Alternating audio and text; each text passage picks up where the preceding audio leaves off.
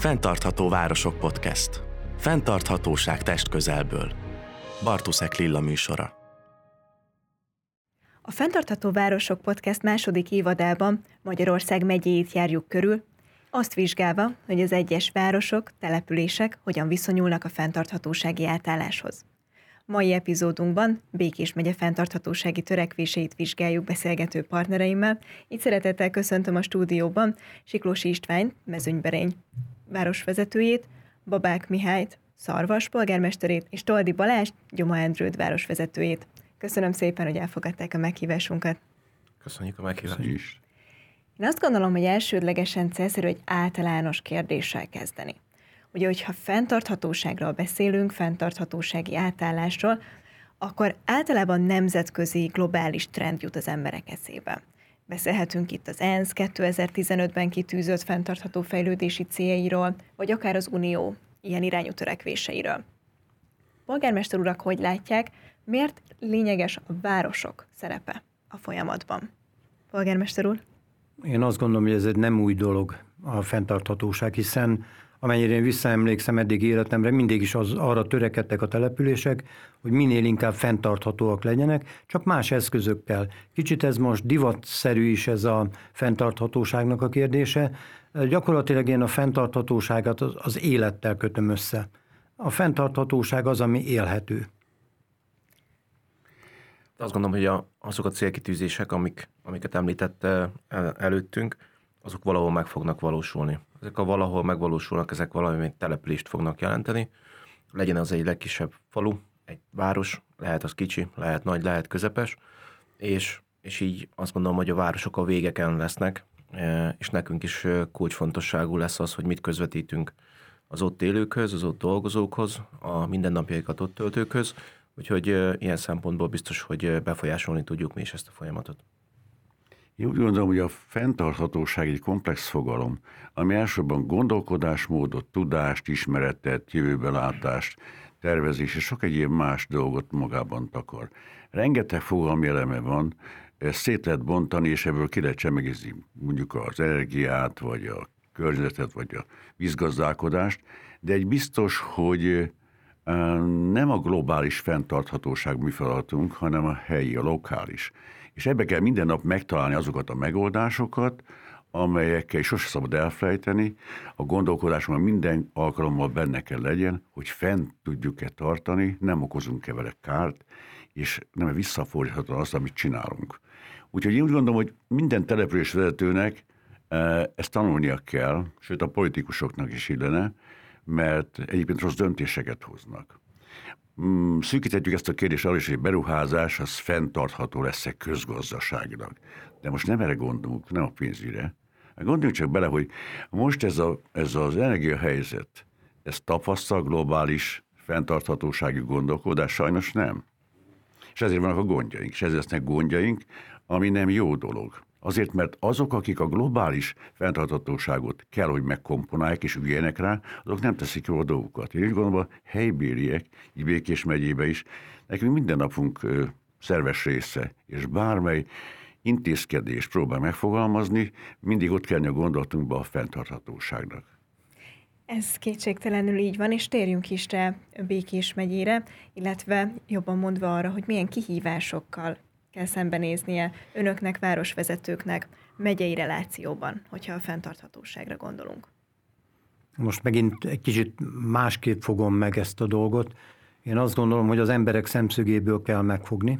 Az embereknek kell olyan körülményeket biztosítani, amivel ők saját maguk föntartják majd a települést, hiszen hiába akar egy városvezető vagy egy városvezetés fenntarthatóságot biztosítani a településen, ez nem megy az emberek nélkül, nem megy a vállalkozások nélkül. Um, nagyon sokat beszélgetünk fiatalokkal, kevésbé fiatalokkal is, de főleg a fiatalokkal azért, hogy ők mit szeretnének a, a, a településünkön. És nagyon érdekes volt, mert az én számomra egyértelmű volt, hogy munkahelyek kellenek ahhoz, hogy helyben maradjanak a fiatalok. Ők azt mondták, hogy nem. A lakhatás feltételeit kell biztosítani. Még a második helyen sem a, a munka volt, majd csak a negyedik helyen jött az, hogy a munkahelyek.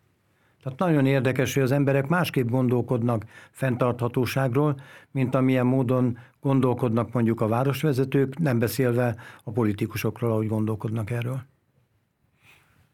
Ha fenntarthatóságról beszélünk, akkor azt gondolom, hogy a tág fogalom az az, hogy a, a környezet, a gazdaság és a társadalomnak a, az egységét kell megteremteni úgy, hogy az utánunk jövők is tudják ugyanezt a, a, ezt a dolgot biztosítani. És hogyha ha most itt gyomendrődött mezőberényt vagy szarvast tekintem, akkor mi hál' Istennek azt mondhatjuk, hogy egy olyan természeti környezetben élünk, ami nem mindenhol van meg. Szarvason és gyomendrőd és mezőberényben a, a víz és a zöld felületeknek az aránya azt gondolom, hogy a magyarországi átlaghoz képest magasabban van. Így úgy gondolom, hogy a környezethez való csatlakozás nálunk egy kiemelt szerepet kell, hogy játszon, és, és a mindennapokban meg kell jelenjen az, hogy, hogy ez a zöld környezet és a, a víznek a tisztelete, szeretete és a, a megtartása az mennyire fontos. Ehhez kell azt gondolom a településvezetőként vagy települési a irányítóként hozzájárulni, és természetesen ehhez a gazdaságot is valahogy hozzá kell igazítani, illetve a szemléletformálást kell azt hiszem a, a leginkább megoldani, hiszen azt látjuk, hogy a hulladék kezelésnek, illetve a hulladék szállításnak, illetve a, igen, jól fogalmaztam, a hulladék kezelésnek a problémája az igencsak igen. nagy. Nem csak a, a, a gazdasági oldalon, hanem egyébként a társadalmi oldalon is, hiszen nap mint nap tapasztaljuk szerintem a kollégákkal, hogy hiába teszünk ki tíz kukát egy, egy utcába, vagy egy térre, mindig van szemét, mindig mellé van dobva, mindig van eldobott csik, és ezek természetesen nem, nem járulnak hozzá a fenntarthatósághoz és ez viszont azt gondolom szemléletbeli eh, kérdés. Ez egy, ez egy apró szelete ennek a nagy témának, amiről beszélünk, de ez szerintem jól jellemzi és jól mutatja meg azt, hogy hol tartunk és mint tartunk, és hát természetesen itt a, a, energia racionális felhasználásáról is beszélhetünk. Egyébként, a, ahogy eh, Pista kollega, eh, kollégám mondta előtte, mindig abban élünk, hogy hogyan tudunk valamit föntartani gazdaságosan is, és azt gondolom, hogy most érkezett el az az idő, hogy azt is meg kell egy, ezt fokozottan szem előtt kell tartani, és mindenféle e, felesleges kiadást, fogyasztást minimálisra kell e, csökkentenünk, mert nem biztos, hogy meg lesz a kiadási oldala ennek, másrészt pedig, e, hogy azokat a célokat, amelyeket esetlegesen magasabb szinten tűztek ki, ahhozokhoz mi is hozzá tudjunk járulni, ezek egy fontos szempontok lesznek. Én úgy gondolom, hogy visszatérve arra, hogy egy hétköznapi ember, mint mi is, a parasztember is úgy volt vele, hogy úgy szervezte a gazdaságát, hogy megéljen, és piacra is tudjon termelni, és lehetőleg ne kárt, és meghagyja az unokáinak is.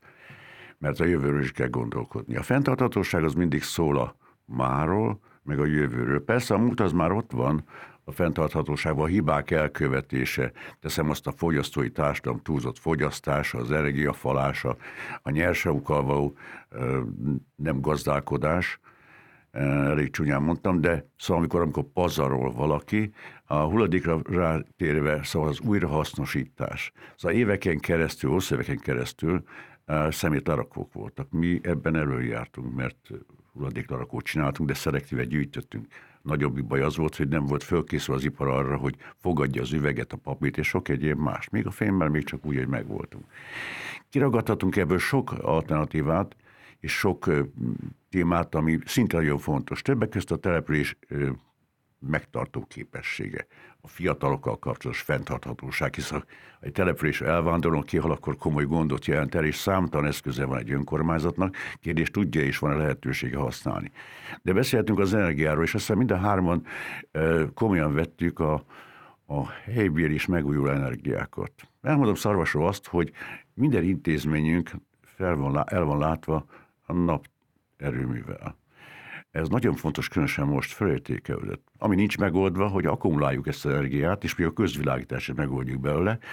Az intézményeknél ez megoldható, és minden iskolánk, középületünk, közintézmények, még a színház is, a sportcsanokok napelemet, napelemmel termelnek energiát, áramot, de az áramtárolása az még a, az, a, az, az, az, az ipar és a gazdaság feladat, hogy megoldja, hogy éjszaka is tudjuk ezt használni.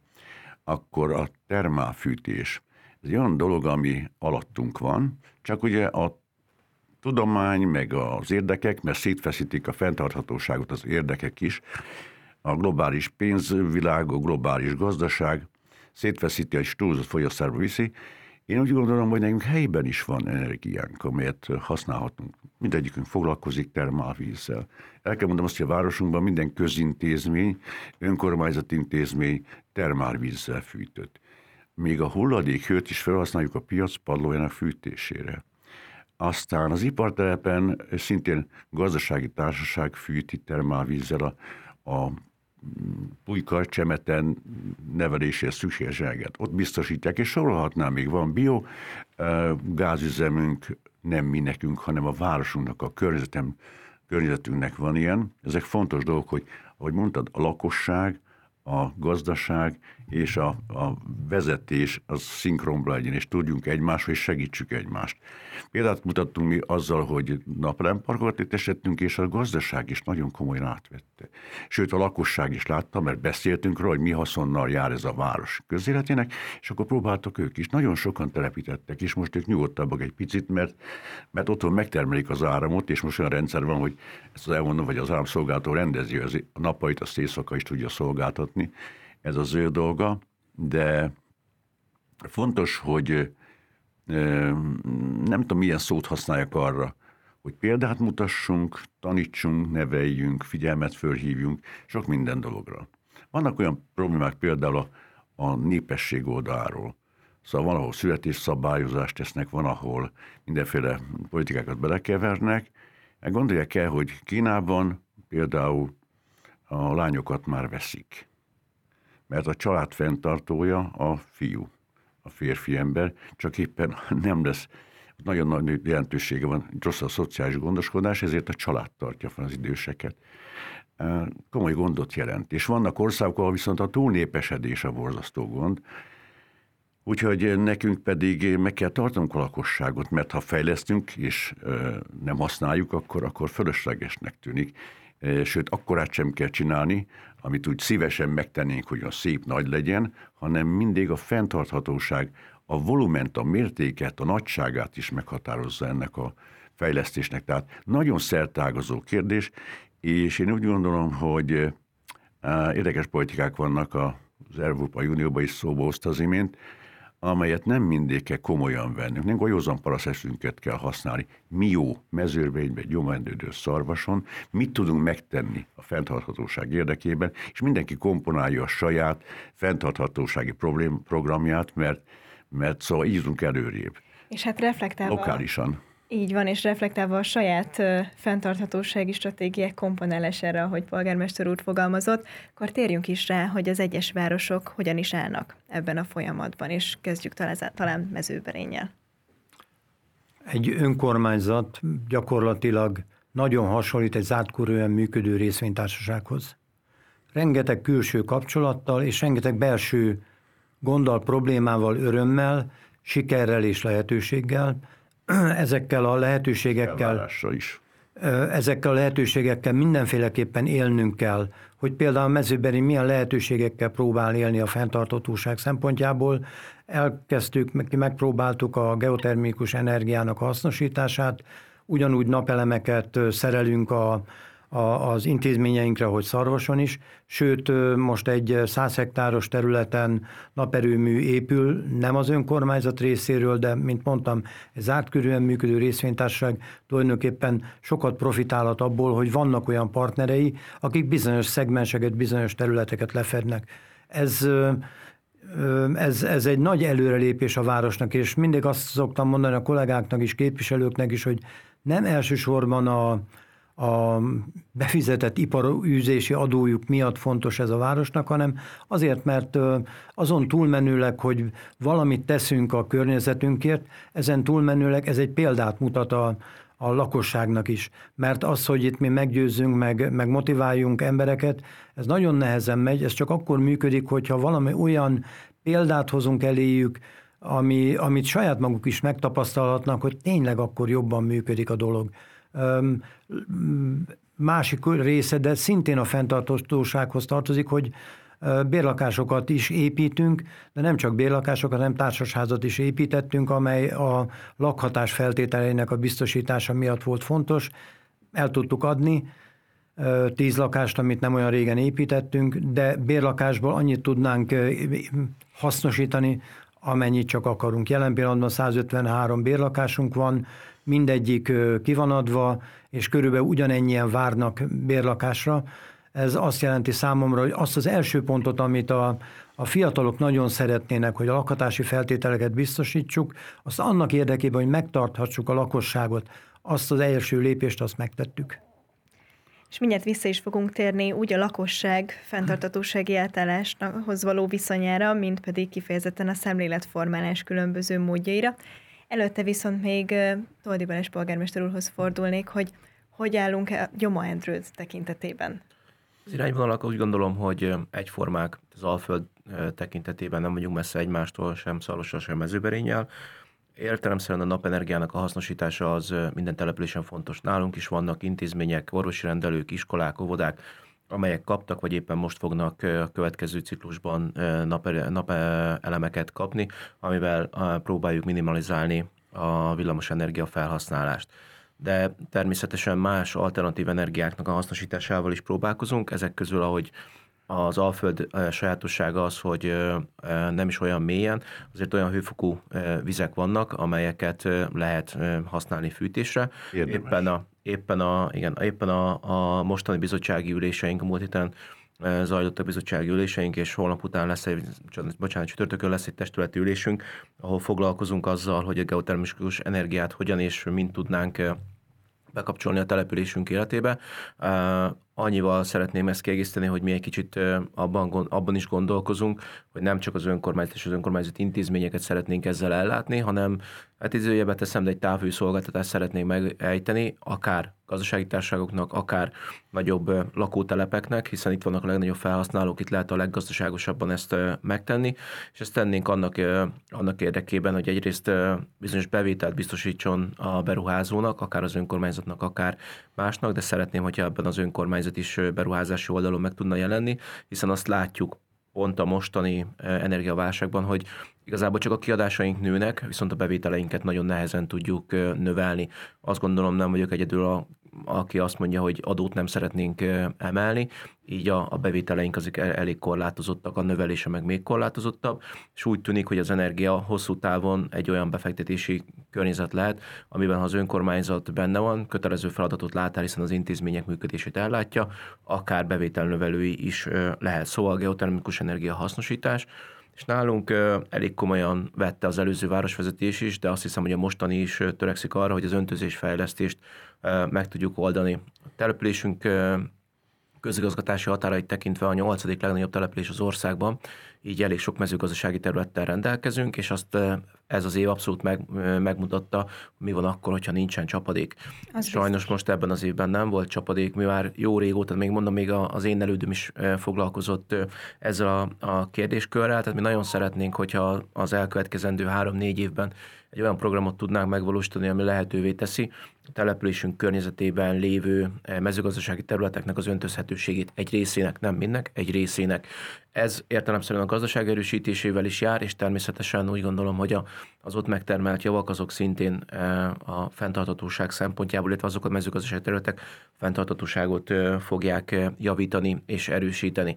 És nagyon komolyan gondolkozik a, a mostani testületünk az erdősítésben. Ehhez hál' Istennek most megvannak az Európai Uniós programok, ezek valószínűleg meg is lesznek. Településünk rendelkezik nagyjából egy 300 hektárnyi földterülettel, aminek egy része nem túl jó minőségű, nem túl magas aranykoronával bír. Ezekben mi erőteljesen gondolkozunk, hogy erdősítünk, és ezáltal is egy picit a klíma a klímának a javításához szeretnénk hozzájárulni, és természetesen az erdőnek utána egy megfelelő és egy felelős erdőgazdálkodással természetesen ott is van egy bevételi oldala, ami szintén a településnél csapódhat le. És hát a, a város belsőjének a, a klímájának a megtartását is szeretnénk javítani. Zöld város programokat csinál szinte minden település, nálunk is szeretnénk ilyet. a zöld felületeket szeretnénk úgy megújítani, hogy azok a későbbiekben lehetőséget nyújtsanak a, a gyománződieknek a, a, abban, hogy mondjuk ne egy 50 fokos utcán kelljen sétálniuk egy ilyen nyári 30-35 fokban, hanem hűvösebben, és ez a település klímáját, belső klímáját javítsa. Mi ezt látjuk most. És mi a helyzet Szarvason? Én úgy gondolom, hogy azt a fogalmat még azért meg kell említenem újfent, amikor a lakosság tőlünk elvárja a település komfortját, a szolgáltatásokat, aminek szintén fenntarthatónak kell lennie, legyen ez közvilágítás, akár zöldtelt és sok egyéb más szórakozás, mert is a népesség megtartó képességet fokozza.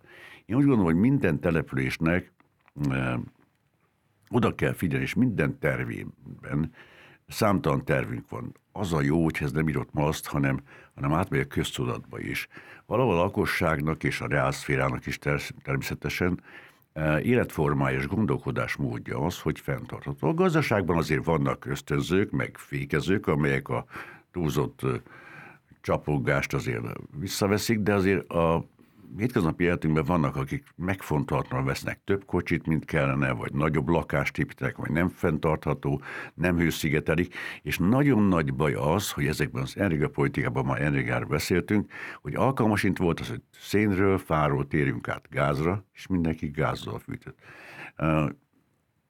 és most pedig sok egyéb mástól. Nem jó, hogyha kampányszerűek, mindennapi gondolkodásá kell válnia. A fenntarthatóság úgymond ideájának, mert egyébként elpusztítjuk mindazt, amire még utódanyag szükség lesz. Persze érdekes dolog, a lakosságnál is fűteni kell, de azért családi házas övezetben nagyon nehezen megoldható a termálvíz, valószínű ott a, a hőszivattyús megoldás. Jó, mi is fűtünk emeletes házakat, ahol gazdaságosan eh, lehet ilyet megoldani, de amikor átálltak a, a társasházak és a tömbházak gázra, most azt termálvízre átalakítani, az fűtést központja iszonyú költséggel jár, és ezek a tömbházak nem elég tőke tőkerősek ahhoz, hogy ilyen változásokat elviseljenek, ott is keresni kell a megoldást és komolyan kell venniük. Ezt sokszor kell meggyőzni, megértetni, megmagyarázni dolgokat. Ugyanilyen a komoly gond a, a vízgazdálkodás. Nagyon helyesen mondtad az imént, hogy a víz az egy nagyon fontos érték.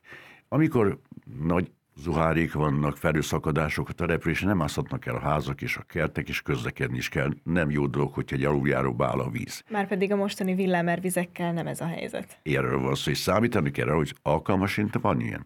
Tehát föl kell készülni arra is, tehát el kell vezetni az utcákból a csapadékvizet, de, de helyben is kell tartani, tehát víztározásról is kell gondoskodni. Nekünk nagyon jó szerencsénk van, mert érőfolyó és holtágokkal is eh, meg vagyunk tűzzelve, de ugyanakkor a településről sem kell minden esővizet kivezetni, mert, mert szükségünk van arra, hogy a klímáját akár öntöző, mert most erre készülünk otthon, hogy minden parkot, utcát moshassunk, mert várható a klímaváltozás, moshassunk, öntözhessünk, ne száradjanak ki a fáink, a cseréink, a parkjaink, növeljük a fákat, de azokat öntözni is kell, az első öt évben nem öntözik, akkor, akkor, akkor kidobott pénz és, és garázdálkodása az értékkel a sok munkával, mert elpusztulnak. Tehát nagyon összefüggő dolgok ezek, és ezt nem akarom többször mondani, hogy összefügg, mert minden minden összefügg az életünkbe. Tehát életmóddá is tudatossá kell tennünk az otthoniakat, és azokkal a példákkal, amikor mi döntünk valamiben, akkor mindig elő kell kerülni, hogy fönn tudjuk tartani. Egy művedéssel színház sem lehet nagyobb, mint amekkorát fönn tudunk tartani. Nagyon optimálisan be kell lőni. Egy közművelés intézmény, egy közösségház sem lehet nagyobb, de kisebb sem, mert akkor meg feszélyezett az ellátásunk. És hát ugye a megfelelő tervezés még csak az első lépése mindennek a, a folyamatnak. Ugye itt polgármester urak vázolták az adott városok vonatkozásában a jövőre irányuló terveket, illetve fő prioritásokat. De én azt gondolom, és részben már szót is ejtettünk erről az imént, hogy ezeknek akkor van valódi értékük, hogyha egyébként a lakosság is nyitott ezeknek, az ebben foglalt céloknak a megvalósítására. Itt kényszerek is működnek, mert hogy érdekelt lakosság vagy sem, ha nem tudja kifizetni a gázszámlát, a villanyszámlát, akkor elgondolkodik rajta, és ez nem jó, hogyha traumával jár, mert van egy szociális ellátórendszerünk, a rászorultakat segíteni kell, de azt is meg kell érteni, hogy dolgozni kell ahhoz, hogy valaki az életét fenntarthassa mert a szociális gondoskodásunk is véges, és tényleg csak a rászorulókra kell, hogy koncentráljunk e tekintetben a rendkívüli helyzetekre. Szóval az a paternalista világ, amikor, amikor sok mindenről mások gondoskodtak, az most már kezd átállni, és ez nagyon jó dolog, hogy felelősségem van a saját életemért, a saját, saját családomért, a saját körülményeimért, közöm van hozzá, a környezetemhez is közöm van, így ezért nagyon sok civil munkálkodik azon, hogy szebbek legyenek a parkok, ápoltabbak legyenek, és óvjuk a vizet, és ne koszolják el, és nem menjen olaj benne, meg sok egyéb más, ami, amit tőlük kapunk aztán vissza, és ezzel gyakorlatilag mindaz, ami a fenntarthatóság fogalmát tartozik, ennek a megvalósását segítik. Mondom, számtalan tűhegynyi, gombos tűhegynyi kérdése vannak a dolgnak, és nagyon jó, hogyha ebbe kéz a kézben a közösség érzi a saját, a városa, az ország, és, és teszem az unió felelősségét is. De nem mutogatni kell egymásra, hanem mindenkinek meg kell tenni a saját szintjén, tehát ne fűtsön többet, ne az utcát fűtse, hisz szőszigetelje a lakást is, ne két lakásra, inkább talán a fűtés korszésésre ügyeljen.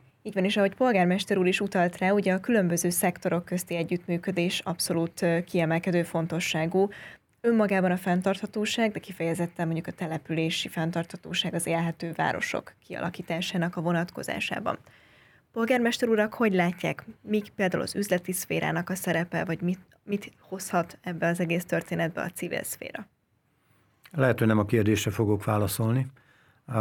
A motiváció ugrik be nekem ebben a dologban is, de azt tapasztaltuk már jó néhányszor, hogy hiába valósítunk meg egy nagy projektet, akár egy energetikai felújítást egy iskolánál, idősek otthonánál, vagy ne Isten most folyamatban lévő belvizes projektnél, aminek a legfontosabb része a folyadék megtartása. Attól, hogy előadást tartunk, az még nem nagyon fogja meghatni az embereket. Sőt, még az sem nagyon fogja meghatni az embereket, hogy én havonta a testületülés előtt, előtti csütörtökön tartok egy ilyen Élet a Facebookon túl című összejövetelt, ahol gyakorlatilag lakossági fórumként föltehetik a kérdéseiket, és nem a fotelből írni a hülyeségeket, hanem akkor beszéljük meg. Sokkal inkább eredményes az, amikor közösen kezdünk hozzá például a faültetéshez. A város is megtette a maga lehetőségeit, sajnos nem rendelkezünk annyi területtel, mint Gyomendrőd, sokkal kisebbek a földterületeink, azokat gyakorlatilag már mindet erdősítettük, amit lehetett, az Alföldre jellemző tölgyerdőket ültettünk, de például minden évben megtartjuk a minden születendő gyermeknek ültessünk egy fát, ahol a szülők is kijönnek, nagyszülők is kijönnek, és tulajdonképpen nem csak a gyerekek, hanem a szülők és a nagyszülők tiszteletére ültetjük a fát, és gyakorlatilag kézzelfoghatóan részt vesznek ebben a programban. És sorolhatnám tovább a hasonló jellegű dolgokat, például a, az általános iskolánk ökoiskolaként működik, amely tulajdonképpen erre építi a saját programját, hogy egy csomó olyan dolgot valósítanak meg, amelyben a, a gyerekek tevőlegesen részt vesznek, és saját bőrén tapasztalja, hogy mit jelent a papírgyűjtés, a fémhulladékgyűjtés, a petpalackgyűjtés, meg a, meg a kupakgyűjtés,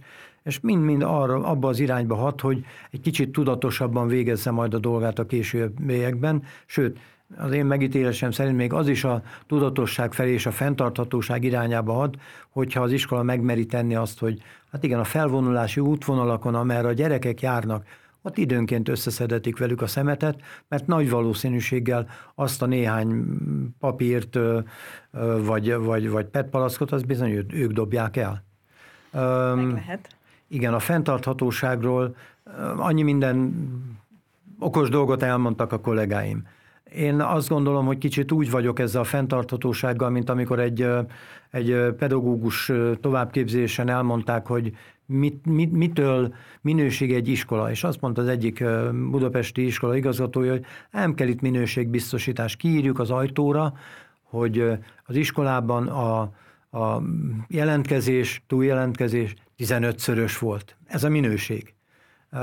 Lehet, hogy nekünk sem ezt kell mondanunk, hogy mi mindent csinálunk, de azért mi is büszkék vagyunk arra, hogy teljesen rangrejtve véletlenül érkezett mezőberénybe egy New Yorki újságíró, a New York Times-nak a turisztikai szakértője, Brassóból Budapestre tartva vonatról úgy döntött, hogy ott száll le mezőberényben, és két nap tartózkodás után írt egy nagy cikket a New York Times-ban, aminek az volt a lényege, hogy mezőberény a finoman elbűvölő település. Így terjednek a jó hírek és a jó gyakorlatok, úgyhogy bízunk benne, hogy ebből minél több hasonló eset lesz majd a, a jövőben is.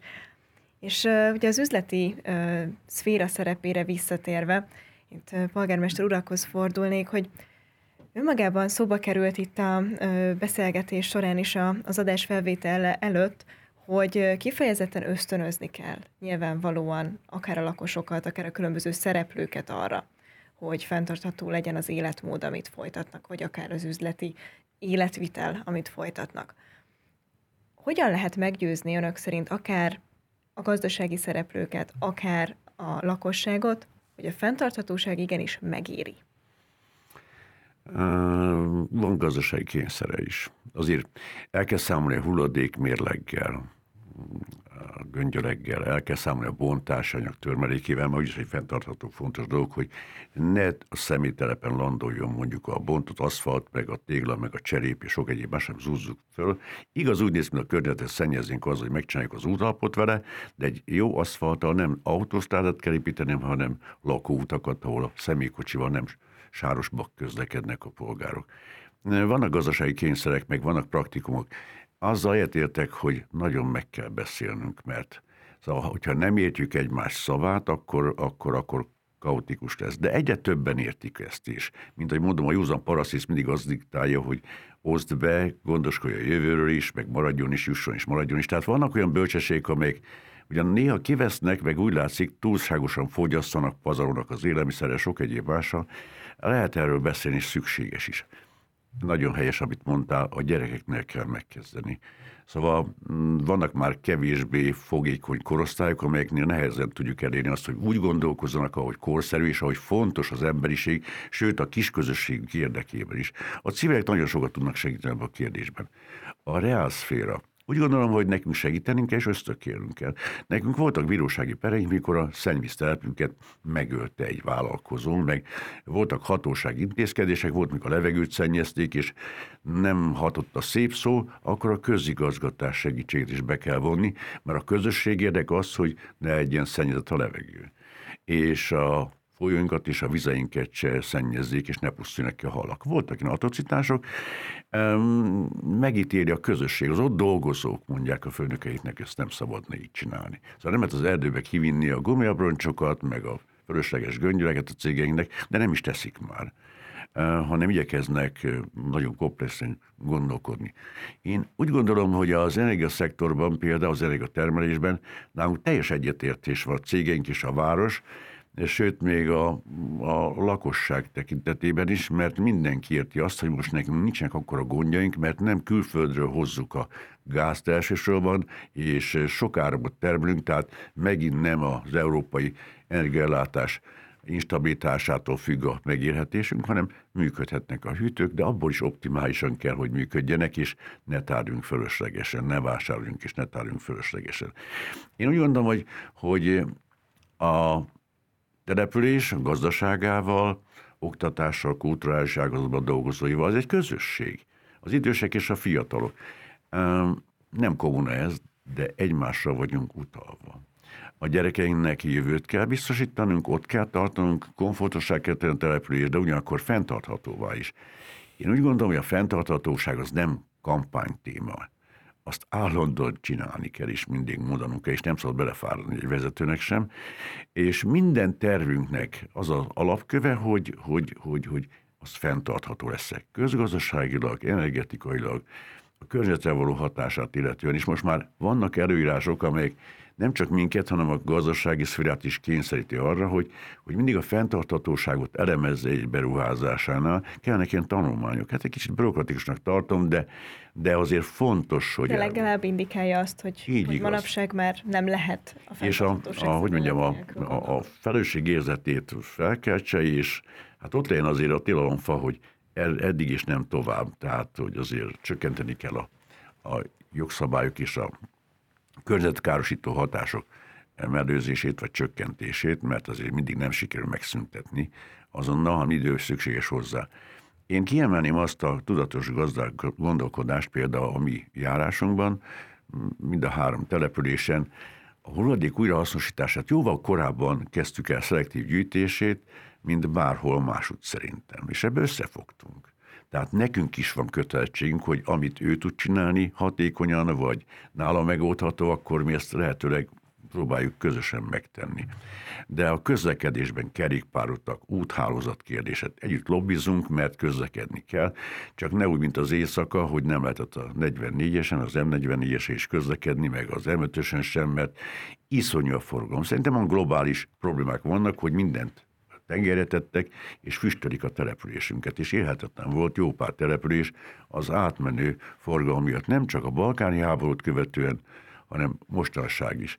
Ezért fontosak a jó autópályák, de nagyon drágák, mert azok is minket bosszantanak, és nem lesz fenntartható a településünk, nyugalma, békessége, mert rengeteg beteg lesz a portól, meg a gázoktól, meg sok egyéb mástól. Tehát mindenre oda kell figyelnünk, és lehetőleg amink megvan, azt megőrizzük, megfelelő minőségben, és ne fogyasszunk többet, sem energiából, fából, és másból sem, mint amire szükségünk van.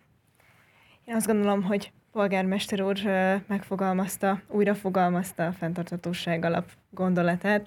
Um, és záró kérdésként még egy érdekes szegmensre úgy gondolom, hogy mindenképp célszerű kitérnünk, ez pedig nem más, mint a digitalizáció. Hiszen legyen szó nagyobb településekről, nagyvárosokról, kis településekről, a digitalizáció elkerülhetetlen eleme a 21. századnak.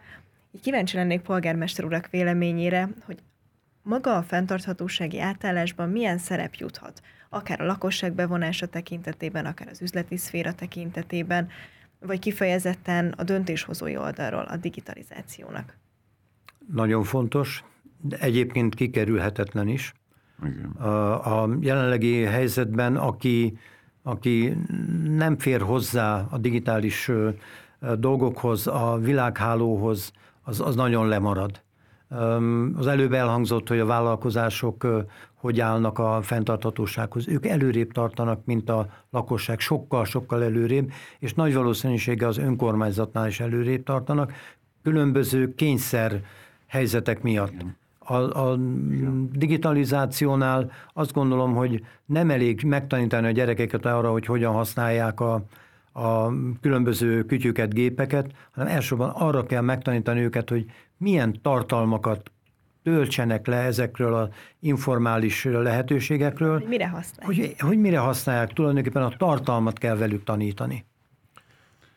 Én az előző témához még annyit szerettem volna hozzászólni, hogy ha most az üzleti életről beszélünk, vagy az üzleti világról beszélünk, akkor a hosszú távú gondolkodást kell azt gondolom mi feltétlenül a fejekbe verni, és ez azt, azt hiszem, hogy mindent meg fog határozni, mert hogyha hosszú távon gondolkozunk, és nem egy rövid távú üzleti sikert szeretnénk csak elérni, ami egyébként valószínűleg nem fenntartható, akkor, akkor nagyobb sikert fogunk elérni. Ezt azt gondolom, hogy az iskolában tanítani kell.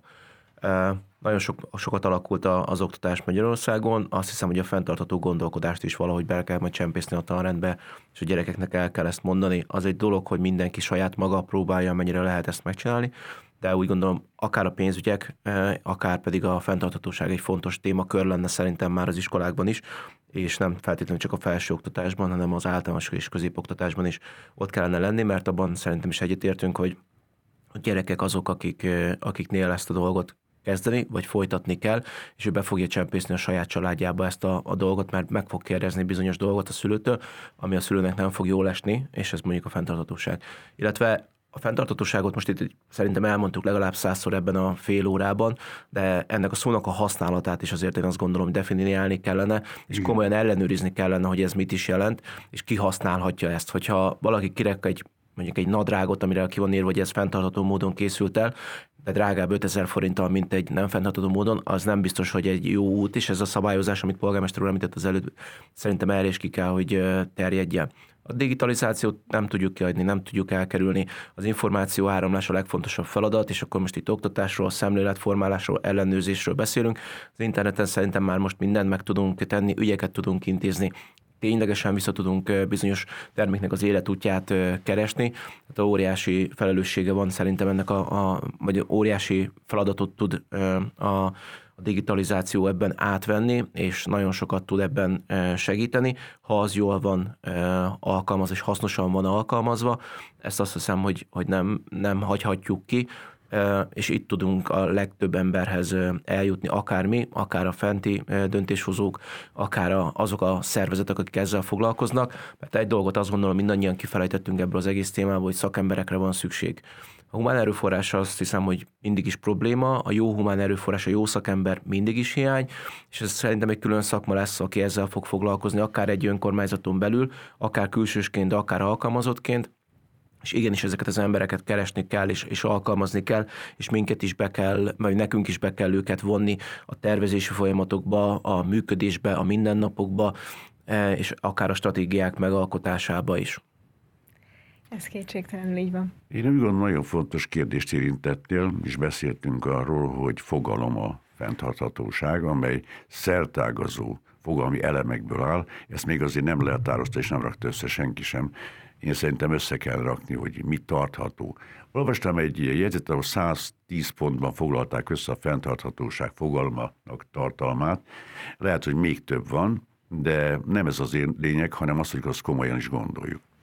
Én úgy gondolom, hogy mindenki maga szintjén tennie kell a dolgokat, a családnak, a munkahelyen dolgozónak, a cégvezetőnek, az oktatás intézményben dolgozónak, a közférában dolgozónak, tennie kell egy városnak a maga dolgát, mindenki találja meg benne, mert, mert ez a túlélésünk és a megvardásunk kulcsa, és meg kell találni a kormányoknak, meg kell találni Európának, és ne ilyen ostoba dolgot csinálnak, hogy órába belenyúlnak, és aztán fölborul mondjuk a világenergia helyzet, amit itt műveltek, és közben háborúnak nevezik, ott a, a pénztőke, a globális tőke mozgatta az egészet, mert még többet akarnak venni, és nem tudom, milyen következmény lesznek.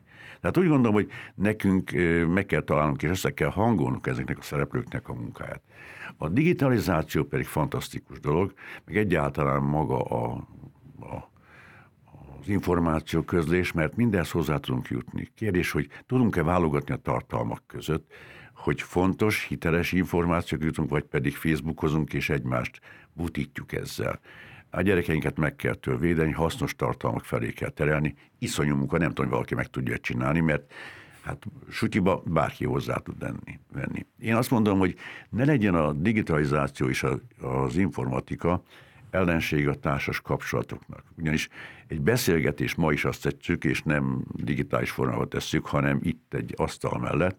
Ezek jóval fontosabbak. Az emberi kapcsolatoknak nem szabad, hogy kivesztenek, viszont nagyon sok helyt úgy használják a, a digitális világot, hogy az emberi kapcsolatok nem beszélgetnek egymásnak, különnek SMS-t a metrón is, meg, meg még egy padon is alkalmasint, színházban is előfordul, hogy SMS-eznek, szóval ez már innentől kezdve kicsit beteges dolog. Hát a gyerekeinket is meg kell óvnunk ezektől a, ezektől a torzulásoktól, de fantasztikus dolog. Van korosztály, amik már lemaradt ebből a dologból, többek között én is. Én szeretem, de azt is szeretem, hogy előttem papír van, és akkor a fára is gondolok, de jó aláhúzni, és jó visszaemlékezni arra az ember, mit olvasott, aláhúzza, az a kezében van, vagy a könyvnek még mindig értéknek kell lenni, meg az írott információnak is, de egy fantasztikus dolog, szerintem a jövő erről szól. Nagyon fontos okos városokban, okos településekben is gondolkodunk. Ezek megint a komfortot jelentik, a kiszolgáltatott, vagy kiszolgálását az állampolgároknak. Minden új dolgba ki kell próbálni, mert jó egy parkba ülni, és közben teszem azt jó levegőn, és páras levegőben, egy párakapu közelében valaki éppen a világ ügyeiről tájékozik az interneten.